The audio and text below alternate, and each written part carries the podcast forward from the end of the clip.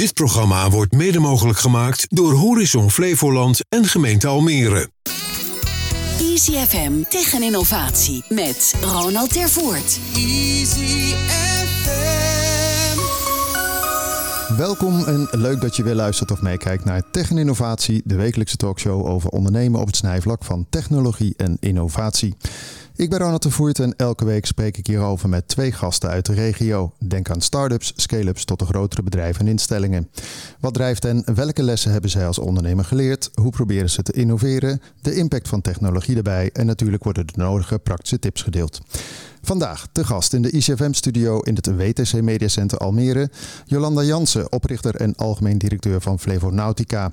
Over de laatste trends in watersportland, digitaal als verkoopkanaal en de nieuwste innovaties. En Veerle Vrins, CEO van Proveg Nederland over de impact van voedselkeuze op onze leefomgeving, de rol van vleesvervangers en de kracht van samenwerken. Dames, welkom in de studio.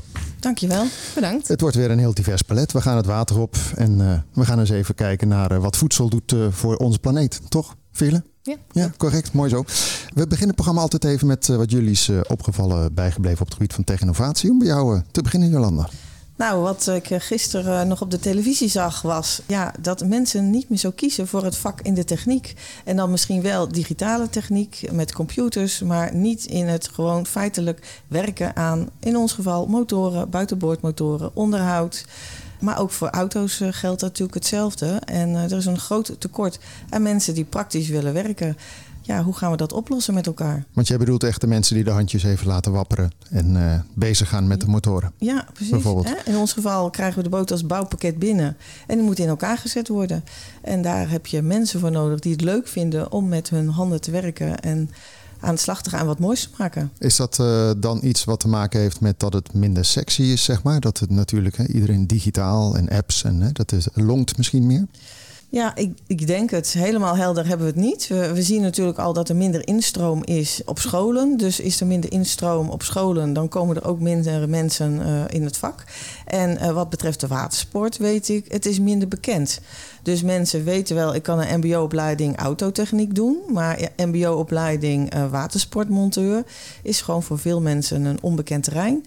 En samen met de HISWA, dat is de branchevereniging uh, Nederland van watersportbedrijven. Ja, die gaan nu ook meer promoten. En straks de HISWA te water in Lelystad ook aandacht aan geven. Om toch jonge mensen weer te vertellen ook hoe leuk het is om te werken in de watersport. Maar jij kan toch ook hier in de regio zitten ontzettend veel opleidingen. Ja, dat je daar klopt. eventjes de bühne pakt en ja. bij een mbo neem ik ja. aan of zo even laat weten. En aandacht ervoor vragen. Zeker, zeker. Ja, die contacten zijn er ook wel. Ik had vorige week sprak ik iemand die had het over overigens in 2023 wil Rotterdam iets met Formule E gaan doen, maar ook met watersportboten met foiling eronder. Toen dacht ik, ja, dat vindt iedereen toch wel hip en happening. Dat je een soort vleugel Klopt. onder je speedboot krijgt. Ja, ja, ja, dat moet bij jullie dat, toch ook wel, uh, dat, dat, ja. Dat is echt een nieuwe ontwikkeling. Ik zit eigenlijk vooral in de sloepen en tenders. Ja, daar is dat nog niet. Maar het, eh, ik kan me voorstellen dat het een hele nieuwe ontwikkeling is. Dat we allemaal uh, ja, op een vleugel uh, boven het water uitstijgen. Dat dat heel leuk is om, om te zien. Ja, maar dat is misschien ook wel de aantrekkingskracht dan vergroot. Ben jij een watersporter, Veerle? Ja, ik hou wel van, uh, van surfen en zo. Dat heb, heb, ik al een hele tijd niet meer gedaan. Maar ik word altijd enthousiast in de zomer als ik de kans, zet om, kans heb om te surfen. Om dan uh, het water op te gaan. Maar andere dingen niet echt, maar uh, wel geïnteresseerd. Want wat voor een soort surfen? Ja, ik ben vroeger windsurfer geweest. Maar wat voor surfen heb jij toch? Want tegenwoordig heb je natuurlijk kitesurfen, windsurfen, golfsurfen. Ja, ik heb een, aand- een reeks van lessen gedaan. Ja, gewoon op het strand op de golf. Ja, ja met een plankje? Ja, ja. Een, een lange plank of een korte plank? Poeh, dat vraag je Was het zo'n ja. eentje, zeg maar, uh, nou, even zo groot? Of was die echt zo groot als deze tafel? Nee, een kleinere. Een kleine. dan, Oh, dat is ja. kitesurf. Oh, daar kan je flink hard. Ja, dat heb ik laatst ook een keer gedaan. Maar dat, uh, dat, gaat, dat gaat hard, hè? Ja, redelijk. Maar voor mij was het vooral wel een, een, een overwinning om op de plank te blijven staan. Dus Ja. ik ben eigenlijk beginnend, maar ik vond het wel erg leuk. Dus ik wil er misschien binnenkort meer mee gaan doen. Wat is jou opgevallen eh, bijgebleven op het gebied van tech-innovatie, Veerle? Ik zit zelf heel erg in de voedselinnovaties. Dus waar ik het meest een kick van krijg, is dat gangbare producten die eerder dierlijk waren, bijvoorbeeld gemaakt van zuivel of van, uh, ja, van vlees, dat daar dan een alternatief van komt dat volledig plantaardig is. En heel concreet dacht ik dan recent aan ja, vegan uh, ijs. Ja, er was natuurlijk al vegan ijs, maar dat is dan vaak het, uh, ja, het duurdere segment. Maar sinds afgelopen week is er dan bij een grote retailer, geen merk noemen, maar echt zo'n gewoon bak betaalbaar ijs, uh, ja, vanille-ijs, dat uh, gewoon heel erg betaalbaar is. Eigenlijk hetzelfde prijssegment als het uh, andere vanille-ijs. En ik merk dat ik daar heel enthousiast van word dat dat beschikbaar wordt, zodat het gewoon voor een grote doelgroep eigenlijk een soort van mainstream kan worden. En als je ja, gewoon een feestje hebt en er ijs bij wilt hebben, dat je dan niet moet kiezen tussen de duurdere vegan luxe eisen en een gewone bak ijs. En dat zijn de dingen die. Wat, wat, is het grote verschil even voor, voor even de leek, zal ik maar zeggen? Het gewone ijs zit natuurlijk allemaal melk en dat soort producten in. Mhm. Waar is dan een vegan ijs van gemaakt? Vaak uh, op basis van, uh, van soja, soms ook op basis van, uh, van noten. Ja, kokosmelk wordt ook vaak gebruikt voor, voor vegan ijs. En het grote voordeel van plantaardig is dat het, ja, dat het duurzamer is. Ook een stukje gezonder soms. Of ja, bij ijs is dat minder, maar bij verschillende plantaardige producten is Oké, ja, gaan we dadelijk ook nog zeker even verder op in. Want ja, jouw vakgebied is echt onwijs in ontwikkeling. En het komt er natuurlijk ook steeds meer uh, in, in zwang bij heel veel uh, bedrijven en uh, bij consumenten. Even bij jou te beginnen, Jolanda. We hebben namelijk voor mij hot nieuws. Hè, want jij bent in 2017 was jij genomineerd voor de Flevolandse Zakenvrouw van het jaar. Klopt. En dit jaar bij het weer. Ja, hoe leuk is dat? comeback. Ja, zeker. En, want ik, ik zat even te kijken. Je hebt de nodige competitie. Rianne Jacobs en Anja Keuter zijn jouw competitieleden in eh, de categorie MKB. Dus dan een keer voor de zelfstandigen en voor de ondernemers. Maar ehm, dit jaar, ga je hem winnen? Ja, tuurlijk. Oké. Weet je wat het is? Flevolandse Zakenvrouwen? Nee, vertel. Oh. Nou, hartstikke leuk willen ook voor jou om uh, daar lid van te zijn. Uh, Flevolandse Zakenvrouwen Netwerk is een netwerk met vrouwen, maar ook wel gesteund door bedrijven en mannen. Hè. Het gaat erom je als vrouw op de kaart te durven en kunnen zetten. En dat kan vanuit uh, het hebben van een eigen bedrijf, maar het kan ook als manager of als zelfstandige professional. En voor elke vrouw is daar dus ruimte voor. En je ontmoet vrouwen die ook ondernemen, die initiatiefrijk zijn, die uh, baan of werk combineren met het hebben van kinderen. Nou, ik, uh, ik hoor meteen, er komt de categorie bij vandaag voor jou. Ja. Maar kende jij het nog niet? Want jij woont in Almere dan. Uh, nee, nog niet, nou, niet van gehoord. Dan gaan we daar wat aan doen door deze uitzending natuurlijk. Je moet natuurlijk wel een beetje profileren. Ja. Hè? Anders dan, dan wordt het ook een beetje lastig om. Ja. Oké, maar, maar, dit jaar ben je dus weer uh, genomineerd. Even, hoe, hoe werkt dat dan? Want je bent genomineerd met drie anderen. Wat moet je gaan doen? Moet je iets gaan presenteren? Word je doorgelicht? Ja, het begint bij uh, het proces Flevoland Zakenvrouwenverkiezing begint uh, meestal januari, februari. Dan kan je vrouwen voordragen. En dus ken je een vrouw die daarvoor in aanmerking komt, dan kan iedereen die vrouw voordragen. Dan krijg je een e-mail met je bent voorgedragen. In mijn geval weet ik dus niet wie het gedaan heeft. Maar ik dacht, nou zo gaaf dat iemand het de moeite waard vindt om mij voor te dragen. Ik ga gewoon weer meedoen. In 2017 hoorde ik bij de laatste drie. Maar was ik uh, niet de winnaar in mijn categorie. Dus uh, we gaan nu voor de herkansing. En uh, ik heb zo'n grote ontwikkeling doorgemaakt dat ik nou ook veel grotere kans maak om te winnen. Maar hè, je bent dus voorgedragen. Dan krijg je een lijst. eigenlijk is het een soort sollicitatieprocedure. Heel leuk. Ja, hè? dat je vertelt wie ben je, waarom, waar kom je vandaan, wat is je visie, wat is je drive. Hoe zit je bedrijf in elkaar en hoe ben je gegroeid van ooit beginnen tot nu? En waarom denk jij dat jij mag winnen? Dat je hoort bij uh, nou, Flevolandse Zakenvrouw van het jaar. En wanneer is de review? Wanneer is de bekendmaking? Ja, 24 juni is er een, uh, een avond uh, op de Floriade. En daar moeten wij een pitch houden en ons verdedigen. We krijgen ook nog bedrijfsbezoek vanuit de jury. Dus er is een vakjury. Er kan niet gestemd worden door mensen, zodat het niet een winnaar is. De wie heeft de meeste mensen gemotiveerd om te stemmen. Nee, het is echt een vakjury die bij je bedrijf op bezoek komt. En uh, op de avond zelf kunnen alle leden nog publieksprijs weggeven. Oké, okay, nou spannend. We ja, gaan uh, fingers zeker. crossed. Uh, ja. ik, ik, gun jullie allemaal natuurlijk uh, een eerste plek. Snap maar er kan er maar eentje altijd ja. de winnaar zijn. Dan eventjes, hè, want nu denken sommige mensen... ja goed, hartstikke leuk Jolande, maar wat doe je dan? Jij bent met je man eigenaar van Flevonautica... een allround watersportbedrijf in Almere, kunnen we het even stellen. En dat terwijl je eigenlijk 30 jaar als verpleegkundige gewerkt hebt. Dat vond ik wel heel erg grappig. Hoe, hoe kom je van verpleegkundige naar de watersport? ja, leuk verhaal is dat. Maar ja, ik, ik wil even helemaal nog een stapje verder terug. Ik uh, ben geboren uh, op een boerderij in Biddinghuizen. En uh, daar had ik als droom, ik word verpleegkundige. Dat heb ik gedaan. Dus ik heb van alles gedaan. Ik heb in het ziekenhuis gewerkt, in de psychiatrie gewerkt. En ook jarenlang op de ambulance als verpleegkundige. Dus alles van geboorte tot overlijden heb ik daar meegemaakt. En ook gezien hoe vergankelijk het leven is. En dat het soms zomaar voorbij kan zijn. En ondertussen heb ik daar ook een man ontmoet. En die had een hobby. En die uh, kluste in zijn vrije tijd uh, aan een oud bootje. En die knapte op. En dan gingen we varen. Wat we fantastisch vonden. En genieten. En dan werd die bootje weer verkocht. En op een gegeven moment dacht ik van, ja, weet je, misschien moeten wij daar wat professioneels van, uh, van maken. Zodat je het ook voor de Belastingdienst netjes regelt. Toen hebben we ons ingeschreven en is Flevonautica ontstaan. En dat ging naast ons werk, omdat je, je start klein, hè, met twee boten op de oprit. En iedere keer investeer je weer. Je hebt namelijk niet zomaar een hele investering om je showroom vol te hebben. En ik denk sinds de verkiezing in 2017, toen dacht ik, voelde ik me zo krachtig.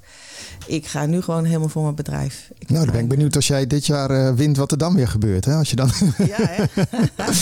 dus, uh, hey, maar, maar als je even kijkt naar die watersport, hè? want jullie uh, hebben dan boten. Ja. Volgens mij was het allemaal in de coronatijd. Ja, die business uh, dat ging als een malle. Als ja, je een boot bestelde, klopt. dan kreeg je hem uh, post-corona krijg je hem dan een keer geleverd. Ja, Hoe staat het er nu mee? Ja, ja, ja.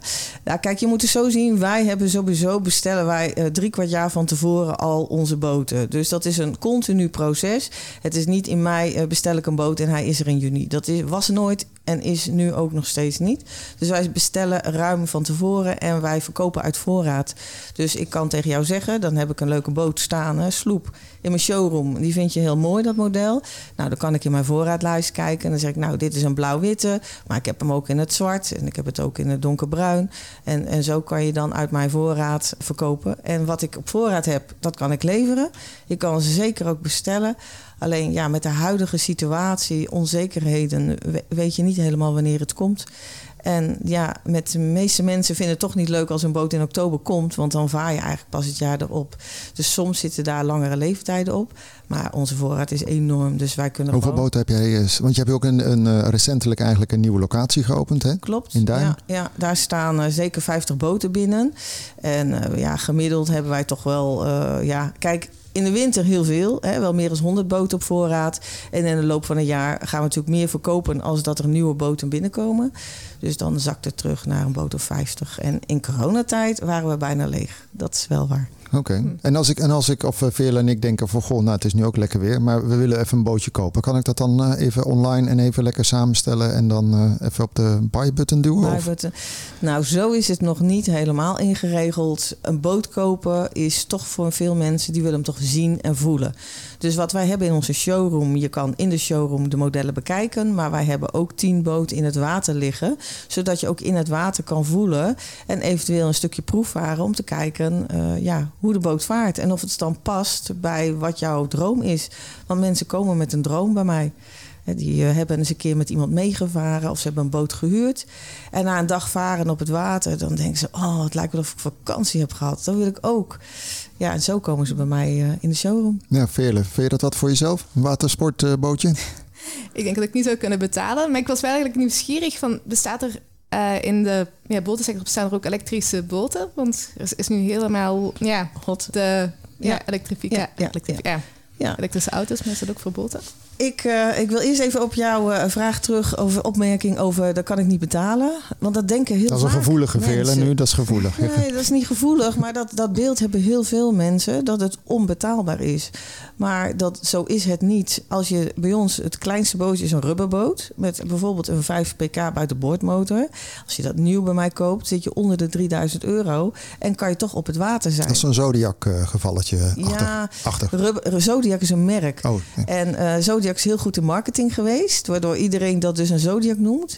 Maar wij hebben dan van uh, Suzumar, vanuit Suzuki, de buitenboordmotoren en Nimarine, de merken rubberboot. Maar het is een rubberboot. Okay. Opblaasbaar, kan gewoon bij jou op zolder liggen. Je kan hem achter in je auto doen, opblazen aan de waterkant en uh, oh. mee gaan varen. Dus dat is voor iedereen bereikbaar. Dan elektrisch varen, ja, dat is, uh, uh, loopt iets achter ten opzichte van de auto's. Maar het is zeker in ontwikkeling.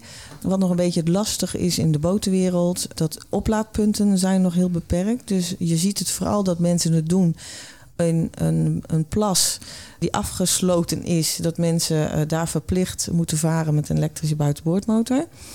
Of mensen die ervoor kiezen die een plekje hebben aan hun huis. Havens hebben uh, nog niet allemaal voldoende oplaadpunten. Want als de hele haven, dat is in Marina Muiderzand ook. Als daar ineens de hele haven gaat opladen met een elektrische buitenboordmotor, dan ligt het stroomnetwerk plat. Daar is nog niet genoeg voorzien. Oh, dan krijgen we dat weer. Ja. Dus dat is, in Amsterdam zijn ze natuurlijk ook bezig, willen ze dat ook. En er is daar is dan gaat de discussie over. Van hoe kan het stroomnetwerk dat allemaal bijhouden? Maar eigenlijk zie je dus dezelfde spanning ontstaan met wat de auto, wat daar gebeurt, ook Ja. met de watersport eigenlijk. Klopt, Je ziet die weef wel komen. Ja, want ik, je, je hebt zo'n mooie eh, folder meegenomen met eh, deze boot. Ja. Hoeveel kost dat dan? Als deze, heet het. eh, hè? eh, dit is een, eh, een, een primeur 16. Eh, vaak klaar zit dat zo'n beetje rond de 35.000. Oké, maar doen jullie ook aan financiering voor de mensen of dat moet je echt allemaal zelf regelen? Ja, nee, dat kan. Wij hebben een partij die dat doet. Dus daar kan ik je naartoe doorverwijzen. Wij zijn natuurlijk zelf geen financier. En leasen komt ook steeds meer in opkomst. Zodat mensen helemaal ontzorgd worden. Dus dan heb je een vast bedrag per maand waarbij je Oh. dan toch eh, ontzorgd Maar dan ben je ook wel een kan. paar, dus net zoals met auto's, dan ben je ook wel even 400, 500 euro per maand kwijt, neem ik aan. Het ligt aan die boot. hè? Ja, dat is natuurlijk. Nee, Ja. maar een beetje, dat, dat, dat, is ook een Ja. beetje met. eh. Oké. Als je dan even kijkt, hè, want ja, die watersport heeft dan de wind in de rug gekregen tijdens online. Ja. Eh, hoe, ja, is er nu nog steeds eh, dat mensen denken we gaan en de boot in? Of zie je dat nu ook weer afnemen? Net zoals heel veel andere dingen in de samenleving. Post-corona gaan we toch weer terug naar het oude gedrag. Ja, nee, dat verandert. Natuurlijk verandert het. Er zijn op dit moment natuurlijk meerdere factoren die dat beïnvloeden. Er is ook een oorlog gaande in de Oekraïne, wat invloed heeft op eh, eh, gas, elektriciteitsprijzen en de benzine. En er zijn natuurlijk een grote groep mensen die dan wat voorzichtiger zijn in hun uitgaven. En ik zag twee weken geleden, vorige week ook nog op Schiphol, ja, dat mensen ook weer veel geld uitgeven aan vakanties.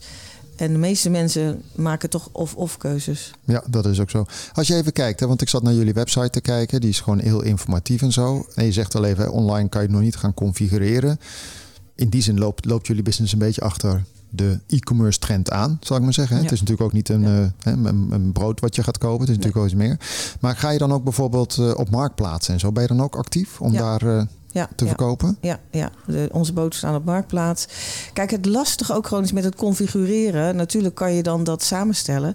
Maar als je dan op de knop drukt bestellen. En ik heb hem wel, maar niet in jouw kleur. Dan moet hij besteld worden. Dan ben je een half jaar tot drie kwart jaar verder. Ja. Omdat het productieproces zo lang is. Dus dat maakt ook het online bestellen lastig. Dan, dan wat ik wel heb is op mijn site, zoals ik mijn sets samengesteld heb voor deze zomer. Dus dan kan je zien, als ik die boot koop in die kleur met die motor, dat is dan de prijs en, en dan kan je hem bestellen. Oké. En als je dan even kijkt naar de marketing eh, die jullie moeten doen. Hè? Want kijk, Mhm. Veren die kenden jullie nog niet. Maar doen jullie veel aan social media of aan AdWords, eh, dat soort toestanden? Of zeg van nou, we zitten lekker in de regio en het is wel prima? Nee, wij zitten echt wel door heel Nederland, eh, maar ook in het buitenland. Belgische klanten uit Duitsland, is een boot eh, naar Denemarken, Suriname. We zijn echt wel binnen de watersport. In wat wij doen zijn wij een, een van de grootste van Nederland. En bekend. We hebben een YouTube-kanaal waar we veel filmpjes laten zien. Waar ik ook wel wat vertel over bo- boten. En eh, ja, inderdaad adverteren op, op Google. Want eh, ja, mensen doen sloep kopen. En eh, ja, dan moet je wel tevoorschijn komen dat mensen je kunnen vinden. En eenmaal bij ons in de showroom, ja, dan krijg je nu helemaal de belevenis aan het water. Ja, lekker. En maar als je dan even kijkt ook van, van al die mensen. Je zegt ja, Suriname tot aan België tot. Ja. Hoe komen die mensen dan bij jullie? Ik bedoel, ik wil wel zeggen, we zijn de grootste in Nederland. Maar Ja. totdat je vanuit België hier bent eh, in eh, Almere... ben je ook al genoeg plekken tegengekomen waar ze ook wel een boot hebben liggen. Ja, dat klopt. Ja, Google. Dan vinden mensen... Gunfactor. Je hebt de Gunfactor. gunfactor. Ja, Flevolandse zakenvrouw. Daar zit de business in. wel- Nou, dat is trouwens wel waar. Dat mensen wel zeggen van... Mensen le- lezen wel op je website wie ben je, waar kom je vandaan... en wat maakt de drive dat je, dat je het bedrijf hebt zoals je het hebt. En eerlijk is dat eigenlijk vanuit ons eigen gevoel van op het water zitten. Want een dag op het water voelt als een week vakantie. Nou, daar ben ik helemaal voor. Net, had Veerle het even over eigenlijk duurzaamheid qua motoriek. Maar ik kan Ja. me ook voorstellen dat er heel veel andere materialen zijn in zo'n boot... waar je kan gaan nadenken over circulariteit Ja. eh, of andere manieren Ja. waardoor eh, je Ja. beter omgaat met de planeet. Ja. Is dat nog iets waaraan gewerkt wordt of is dat nog eh, oldschool, eh, gewoon eh, aluminium, eh, whatever het was? Polyester, Polyester. zijn eh, onze boten. Ja, daar zal in de toekomst wel nog winst kunnen behaald worden. Maar is, zit er in de anders. business is- wel een soort van vibe van daar moeten we naartoe? Ja, geprinte boten. Dat zijn, Oh is ja. een eh, hele nieuwe ontwikkeling waar wat start-ups mee, eh, mee bezig zijn. En dat eh, volgen wij ook. Wij hebben ook een bedrijf waar we een connectie mee hebben... die daar een, een goede ontwikkeling in aan het maken is. Dus ik denk zeker dat daar mooie dingen te halen zijn. Oké. Ja. En je hebt natuurlijk ook binnenkort weer uh, de HISWA. Is die al? Of is die paar keer per jaar? Ja, je hebt Hissa te water. De Hiswa was ook in de RAI, maar uh, met het hele corona gebeuren is dat uh, beëindigd. En Hissa te water is in Lelystad in september. En daar zijn alle boten weer te bekijken, te voelen, ervaren en uh, proefvaart te maken. Nou, Veerle, dan uh, zijn we eigenlijk aangekomen bij jou. Want je hebt al even verteld dat jouw grootste uitdaging is dan wel personeel krijgen. Wat, wat is nog een andere grote uitdaging nog even? Jezelf een beetje op de rit houden, want je was laatst natuurlijk eventjes uh, ik was, uh, in de kreukels. ja, ik was gevallen, had wat gebroken en dat heeft een dokter netjes weer aan elkaar gezet. Dus ja, ik, ik ben weer running. En, nee, de grootste uitdaging voor ons is eigenlijk op dit moment gewoon ja, Flevoland Zakenvrouw van het jaar worden eigenlijk. God joh, dat, uh, het hele leven staat in het teken van. Dus dan weet je, als je, veel, als je ooit genomineerd wordt, dan uh, beheerst het al wel uh, je, je leven de voorkant. Maar nou, wel leuk, ik, hè? Ik, ik, denk zeker dat zij um, verdient om mee te doen. Ja, nou ja, misschien mag jij als, als genomineerd alvast een voorzet geven natuurlijk. Hè? Ja, zeker. Hey Veerle, jij bent oprichter en CEO van Proveg Nederland. Een initiatief met eigenlijk de niet geringe missie om in 2040 de consumptie van dierlijke producten te hebben gehalveerd.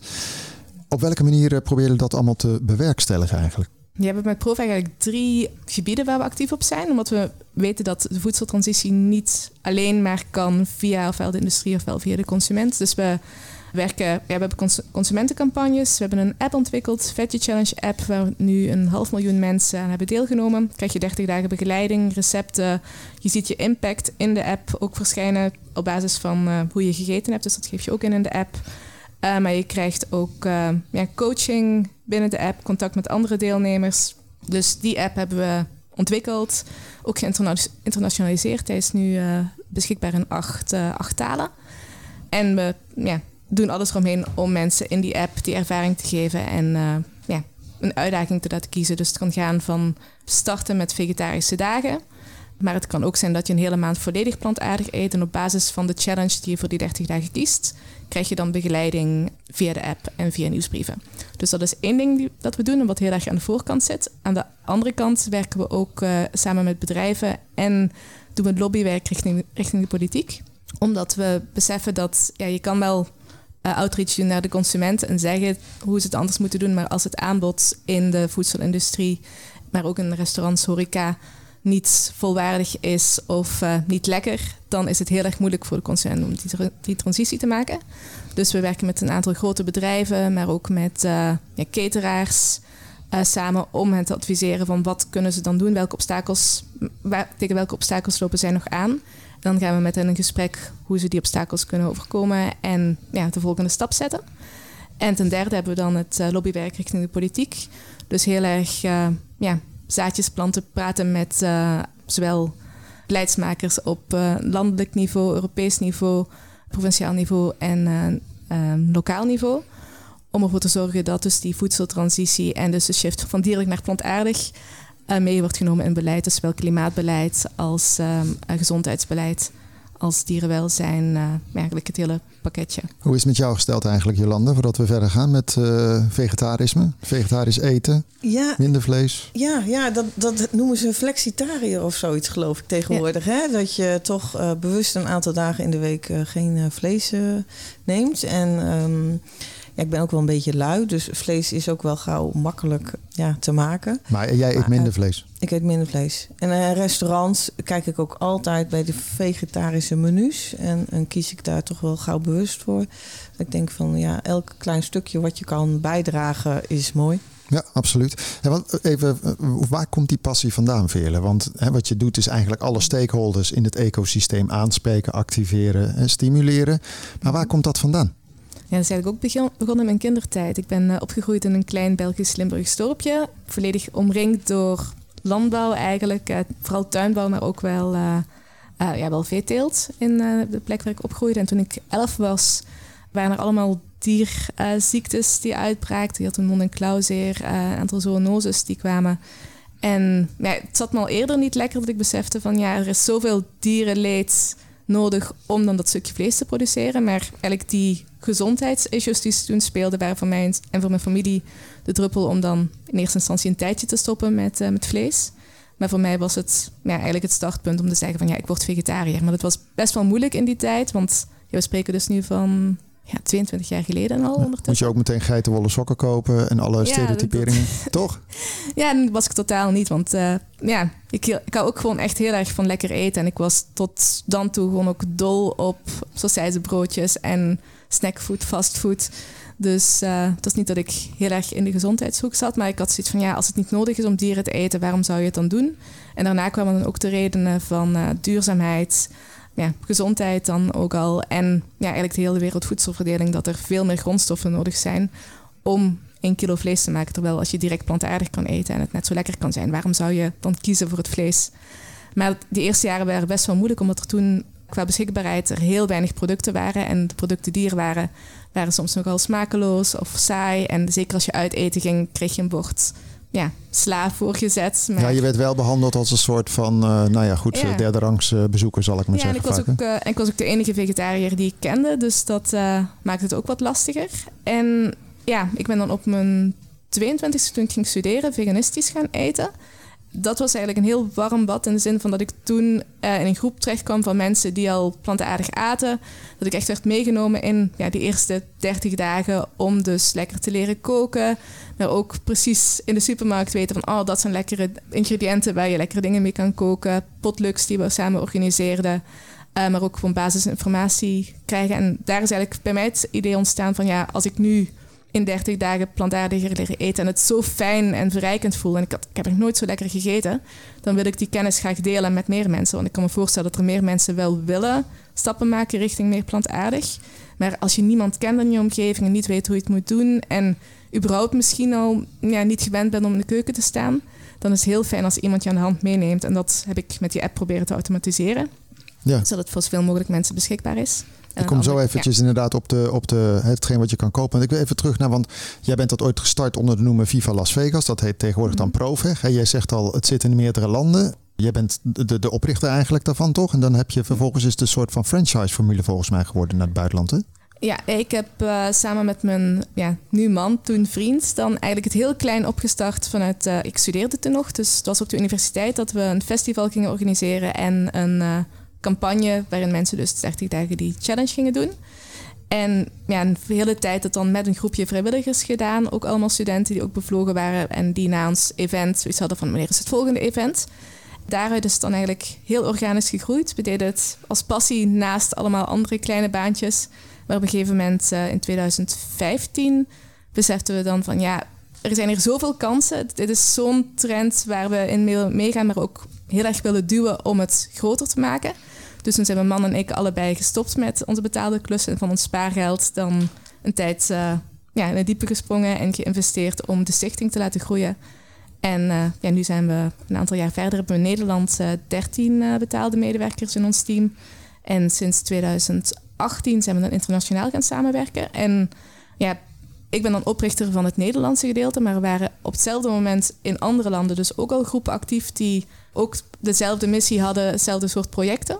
Dus daarmee hebben, ja, daar hadden we al contact mee, deelden we al best practices, maar in 2018 besloten van ja, hoe mooi zou het zijn als we meer internationale be beweging kunnen zijn, omdat we dan zoveel grotere slagen kunnen maken en ook die voedseltransitie niet stopt bij de Nederlandse grens, maar juist internationaal is. Dus ook voor Europees lobbywerk is het heel belangrijk om één stem te zijn. Toen is de keuze gemaakt om een provecht te worden.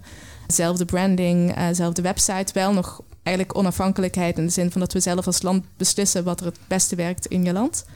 Maar ook wel ja, internationale campagnes doen. En dat is dan nu uh, ja, vier jaar dat we daarmee bezig zijn. Wauw, indrukwekkend dat je dat zo uh, hebt uit kunnen breiden. In welke landen zit je dan allemaal? Even... Uh, we zitten nu dus in Nederland, Duitsland, Polen, Tsjechië, Spanje, België vanaf uh, deze maand. Grappig, hè? Het laatste land ja. dan bij wijze van spreken. je ja. eigen geboorteland. Ja, dat is niet het laatste, want we zitten ook in, ja. in Zuid-Afrika hebben we een kantoor. In, uh, een kantoor in Zuidoost-Azië, dus vooral regio China. En Amerika, VS. Ja. Nou, dan hebben we de groot deel van de wereld gehad. Als Zo, jij nog even een watersportbootje uh, ernaast wil leggen, dan uh, weet je waar je moet zijn. Maar je had het net even over, hè, wat veel mensen vaak nou, lastig vinden, is de switch van nou, eigenlijk het dierlijke voedsel naar het plantaardige. Uh, nu ben ik ook zo'n flexitariër volgens mij, als we het daar in die categorie gooien. Maar wat mij opvalt, is dat ik heb het nu een paar jaar, maar dat, dat ik eigenlijk het hele vlees, ik, ik mis het helemaal niet. Weet je, je gaat van vlees en dan ga je naar vleesvervangers. Ik had laatst keer iemand van Meatless Farm hier ook. Die hebben ook allemaal van die vervangers tot aan ertenachtige producten toe. Want soja is ook weer niet goed voor de duurzaamheid en zo. Tenminste, dat is er ook weer een spanningsveld op. Nee, op zich is soja wel oké als het dus in menselijk voedsel is. Maar soja is vooral een probleem als het dus in veevoer gaat en dan ja, eigenlijk het grootste deel van, het, van de soja gaat naar veevoer. En dan is het eigenlijk Ja, het vlees dat er... eh, Maar uiteindelijk, waar ik naartoe wilde, is dat vandaag de dag merk ik wel heel erg van. Eigenlijk ben ik de tussencategorie van vleesvervangers, waar jij dan ook nog naar kijkt, die sla ik helemaal over. Want ik eet ook altijd zoutloos. En dan dacht ik van ja, eigenlijk is het een soort van nicotinepleister. Maar je moet gewoon of je rookt of je rookt niet. Of je eet vlees. Heel af en toe heb ik dat wel natuurlijk. Herken je dat? Dat, dat mensen zo'n zo'n journey, zo'n reis doormaken en dan op een gegeven moment uitkomen. Nou ja, wat jij ook hebt. Je, het smaakvoller, et cetera. Allemaal. Ja, dat is ja, een soort reis. Ja, ja, ik zie het echt als een soort van eh, transitie. Dus dat er verschillende doelgroepen zijn, verschillende fases ook. En veel mensen die nog echt in het oude eetpatroon zitten van... Ja, zoals ik ben opgegroeid, aardappelen, stuk vlees, groenten. Hè, lekker Dat dan Nederlands. die, eh, hè?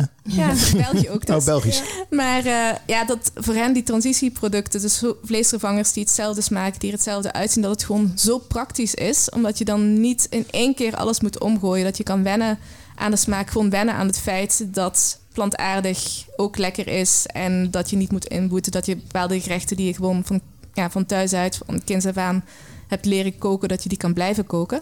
En ik denk dat daarna, stapje voor stapje, wanneer je dus al plantaardiger eet, ook die bewustwording komt van, oh, er zijn ook bijvoorbeeld peulvruchten, wat kan ik daarmee maken?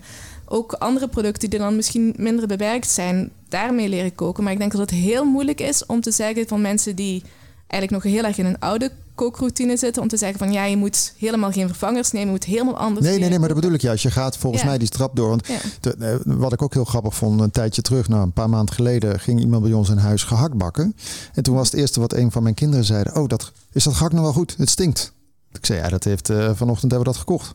Dus die hele smaakperceptie of die geur. En toen ging ik dat ook checken, onder andere bij eh Meatless Farm eh, collega. Ik zeg, goh, wat grappig hè. En zegt, ja, dat zie je wel vaker. Dat in één keer je hele besef van, eh, kip gaat dan nog wel, maar gehakt ook. Ik, dat heb ik weggegooid. Mhm. En dan te bedenken dat één stuk vlees, hoeveel, hoeveel water kost het wel niet voor een kilo vlees? 15.000 liter of zo? Ja, ja, het hangt vanaf welk soort vlees. Nee, oké, maar dat is wel een eh, beetje toch bizar. Ik weet niet hoe lang jij onder de douche staat, maar dan kan je voor mijn gevoel een heel jaar voor douchen. Nou ja, dat denk ik ook. Ik moet zeggen, ik eh, douche altijd koud. Dus echt koud. Oh, dat. En dat eh, is, eh, ja, nou twee minuten. Ah, je kan nog gewoon het water in plonsen bij je Ja, bedrijf dan. ja, Dat- dat, doe, dat doe ik ook, hè. Ook in de winter. Als je even kijkt naar de winkels, want eh, we hadden het eerder over jou. eh, jij nam eh, het ijsgebeuren als voorbeeld. Hoe vind jij dat de supermarkten in, nou, in Nederland, laten we het daar even op concentreren, het doen? Want die hebben natuurlijk wel een voorbeeldfunctie, wat je zegt met die vegan ijs, je kan het vinden. Mhm. Hoe gaat het? Ja, ik denk dat eh, vooral een aantal grote supermarkten dus echt wel grote slagen hebben gemaakt de afgelopen jaren. Zeker de afgelopen vijf jaar zie je het aanbod heel erg groeien. Maar een van de dingen waar wij dus nu ook met een, ja, eigenlijk alle grote supermarkten nu over in gesprek zijn, is dat prijsbeleid. Omdat aan de ene kant is er dus wel een groeiend eh, ja, aanbod qua plantaardige alternatieven, maar ze zijn nu nog altijd duurder. Dus je stelt consumenten voor de keuze van koop het duurdere plantaardige of de vlees, ja, het vlees en dierlijke producten die in de bonus zijn, waar nog altijd kiloknallers zijn. Je hebt ja, promotiefolders. Hebt één keer per jaar de week zonder vlees. Waarin de vleesvervangers in de bonus zijn. Maar de rest van het jaar is het dus eigenlijk gewoon één groot circus van koop vlees. Want het is zo voordelig. Het zit in de bonus. En dat is heel tegenstrijdig. Want je kan als supermarkt niet zeggen dat je echt achter de voedseltransitie staat. Als je eigenlijk aan de voorkant richting de consument zegt van vlees is goedkoop. We doen het in de aanbieding. Dus we willen heel graag met alle supermarkten kijken of er daar meer beleid op kan zijn dat in ja, Maar moet dat dan echt weer meer vanuit de overheid een soort van push worden van dat dat een, een focus moet zijn voor de grote supermarkten? Of heb je van nou intrinsiek willen ze daar ook wel gewoon graag aan meewerken omdat iedereen toch wel een verantwoordelijkheid heeft in eh, deze we, merken maatschappij? bij, we merken bij de supermarkten zelf dat ze dus het wel willen, maar dat ze heel erg naar elkaar kijken. Omdat ja, eigenlijk de truc die supermarkten toepassen is consumenten aantrekken juist met het feit dat ze ja, goedkoop vlees hebben.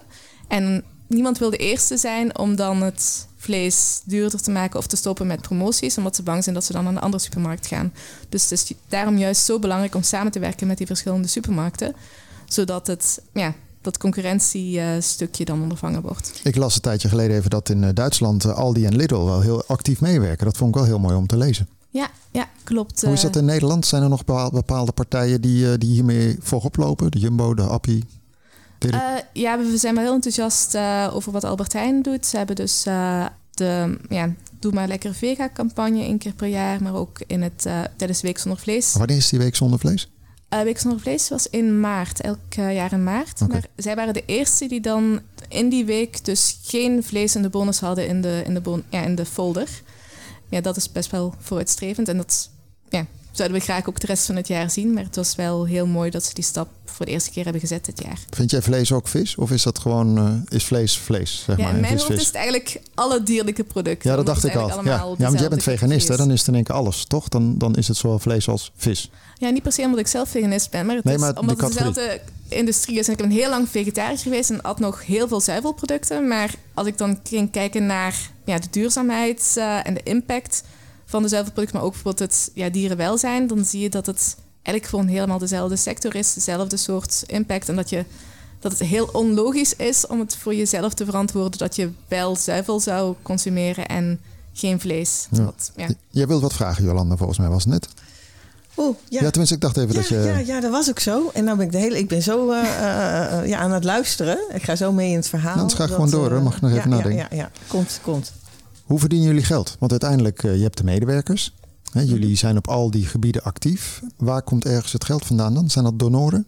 Ja, het grootste deel van ons, eh, ons werk kunnen we doen dankzij een aantal donateurs die ons steunen. We hebben een impactclub van eh, ja, eigenlijk mensen die echt geloven in onze missie. Die Maar dat dan- zijn grote bedrijven ook.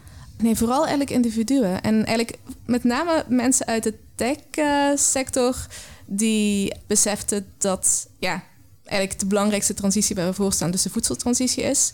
En die naast het investeren in eh, ja, bedrijven ook zoiets hadden van ja, maar we moeten ook iets overkoepelends doen om die hele beweging eh, te versnellen. En ja, daar komen eigenlijk best wel wat donaties uit. En qua bedrijven hebben we, ja, we willen heel erg onafhankelijk zijn van bedrijven. Maar we hebben dus wel de mogelijkheid voor bedrijven om lid te worden van onze Impact Club. En daarmee onderschrijven ze dus ook dat ze achter de missie staan om die halvering van de ja, dierlijke consumptie en productie te hebben tegen 2040. En daarin zit dus ook ja, een rol van ons dat wij hen dus ook lichte duwtjes geven om hun aan een commitment te houden. Aan het begin zei ik even dat eh, jullie gaan voor eh, halvering van eh, de dierlijke consumptie. Hoe staan we ervoor? Waar, staan we in Nederland? Soms lees ik berichten dat ik denk, nou, we gaan lekker goed. En keer denk ik, nou, ik vraag het aan jou. Je weet het vast. Ja, er is een optimistische kant en er is een pessimistische kant. Ik denk het optimistische is dat de vleesconsumptie dus gestagneerd is. In de zin van dat het eigenlijk sinds de jaren 50 ongeveer heel de tijd is gestegen. En ongeveer eh, tien jaar geleden is het dan tot een stop gekomen dat het niet meer stijgt. En sinds vorig jaar is het dan de allereerste keer dat het dus echt wel een stukje gedaald is. Alleen, ja, als je kijkt wat er nodig is... Ja, als je kijkt naar berekeningen, dan zouden we dus tegen 2025 50% ja, Dan zijn we naar er al. een 50 nee, naar een 50-50 moeten gaan. Dus 50% dierlijk, 50% plantaardig. En daar zijn we dus nog lang niet. Want het percentage Oh. dat is afgenomen is maar ja, eigenlijk vrij klein. Maar is 2040 dan eh, nog eh, een realistische stip op de horizon? Ja, want als je op zich kijkt naar de transitietheorie, dan is er een soort van kantelmoment. Dus als je maar voldoende kritische massa bereikt, dan kan het dus sneller gaan. Alleen op dit moment is dus net die daling ingezet. En nu is het gewoon heel spannend. Het is echt een cruciaal moment nu om ervoor te zorgen dat die daling zich verder gaat zetten. En dat er dus ja, zoveel draagvlak is dat op een gegeven moment ja, het uiteindelijk vanzelf gaat. Even, ja, oh, dan heb je hem. Ja, ja, ja, ja. Ja, mooi. Nee, waar ik ook benieuwd naar ben, is wat, hè, want we zijn ook steeds bezig om te kijken om lokaal te kopen. Hè. Ik ben ook wel bewust in de supermarkt dat ik eh, ja, ook bijvoorbeeld aardbeien niet in de winter eet. En hè, dat je op die manier ook eh, eh, bewust eh, bent. Maar hoe zit het met de productie van wat je nodig hebt voor vegetarisch eten of veganistisch? Produceren wij dat allemaal zelf in Nederland? Of moet dat toch ook van overver komen om, om dan dat te eten, zeg maar? Want dan heb je dat ook een stukje... Ja, eh, CO2. Ja, wel- Mhm. Footprint. Ja, heel veel Ja. productie is dus mogelijk in Nederland. Zeker omdat je dus eigenlijk qua grondstoffen voor plantaardige producten minder nodig hebt dan voor dierlijk. Omdat je dan veevoer ja, overslaat en dieren overslaat. Dus er kan al heel veel groeien in Nederland. Alleen ik weet wel, een van de dingen die op dit moment een bottleneck is, is de verwerkende industrie. Dus eigenlijk het omzetten van bijvoorbeeld naar eigenlijk die ja, basisgrondstoffen waar je een, eh, een vleesvervanger van kan maken. Dus daar zitten wel echt nog kansen om dat dus ook lokaler te hebben. Oké, ik geef even gelet op de tijd hoor, want dan zit hij wel van nu en nog. Dat is hartstikke tof. Maar eventjes kort, moet jij veel aan marketing doen? Doe je dingen met influencers? Hoe, hoe werkt dat? Ja, ja, we doen eigenlijk vanaf het begin, ik denk waarschijnlijk omdat we allemaal, ja, de meeste mensen in mijn team zijn millennials en uh, ja, zelfs de generatie jonger, dus Gen X ja. toch? Ja. Gen Z. Oh, ja, goed. Z, ja. Die uh, ja, doen we eigenlijk alles op social media. Dus we zitten vanaf het begin, ja, Facebook, Instagram, adverteren ook uh, via social media Hm. en ook dus influencers erbij betrekken. Dus dat hele online uh, gebied is ook het ja, waardoor we zijn gegroeid. Hey, en dan even kort nog over, uh, ik zag dat jullie een heuse accelerator hebben in Zuid-Afrika.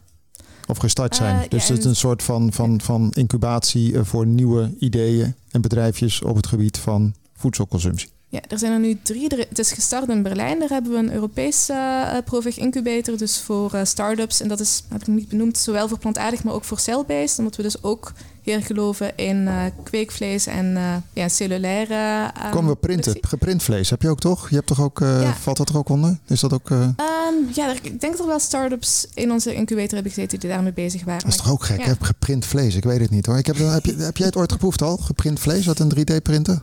Uh, nee, nog niet.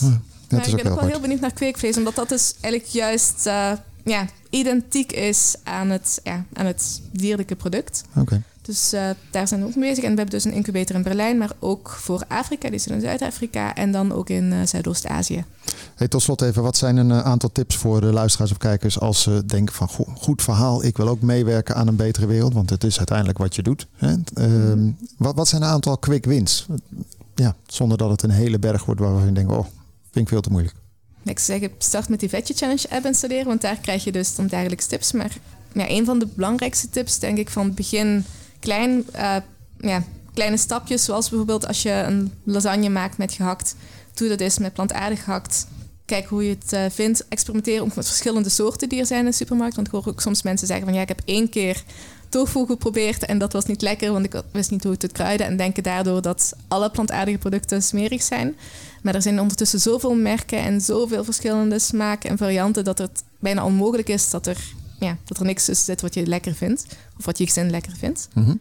Herken je dat, uh, Jolanda, deze manier van uh, aanpak? Ja, zeker, zeker. Ik denk ook dat het goed is. Het is een beetje hetzelfde als wanneer je wil afvallen. Als je ineens je hele leven rigoureus omgooit, dan is dat lastig om dat uh, uh, vol te blijven houden.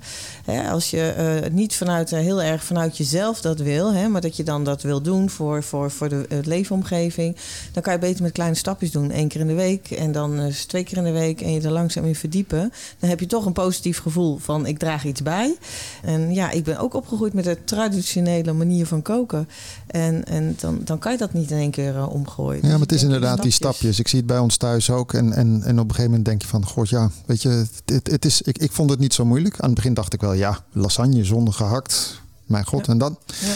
Maar goed, vandaag de dag uh, komt hij niet eens meer erin.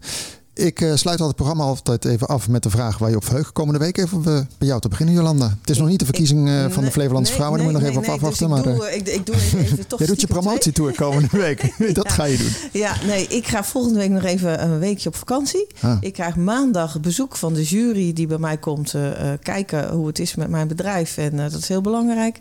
Ja, en dan kijk ik vooral uit naar de verkiezing, de 24ste. Ja, leuk. Wat ga jij doen uh, komende week? Waar verheug je op, uh? Uh, ik kijk er heel erg naar uit om naar Berlijn te gaan. Want daar hebben we voor de eerste keer sinds corona dan weer een internationale strategy week. Waar dan ook de verschillende Provech-landen bij elkaar komen. En ook een aantal mensen die ik, ja, nieuw zijn bij Provech, die ik alleen nog maar via de webcam heb gezien. Ga ik dan live zien. Dus dat vond ik heel erg leuk. Nou, leuk. Ja, de wereld gaat weer een beetje open. Hè? Dat is toch wel lekker. Ja. Veerle Frins, CEO van uh, Provech Nederland en Jolanda Jansen, algemeen directeur en oprichter van Flevonautica. Hartelijk dank voor het uh, prettige gesprek en een hele fijne week natuurlijk. Dankjewel. Bedankt. Jij ook een hele fijne week. bedankt voor het kijken, dan wel het luisteren en tot de volgende keer. Dit programma werd mede mogelijk gemaakt door Horizon Flevoland en gemeente Almere.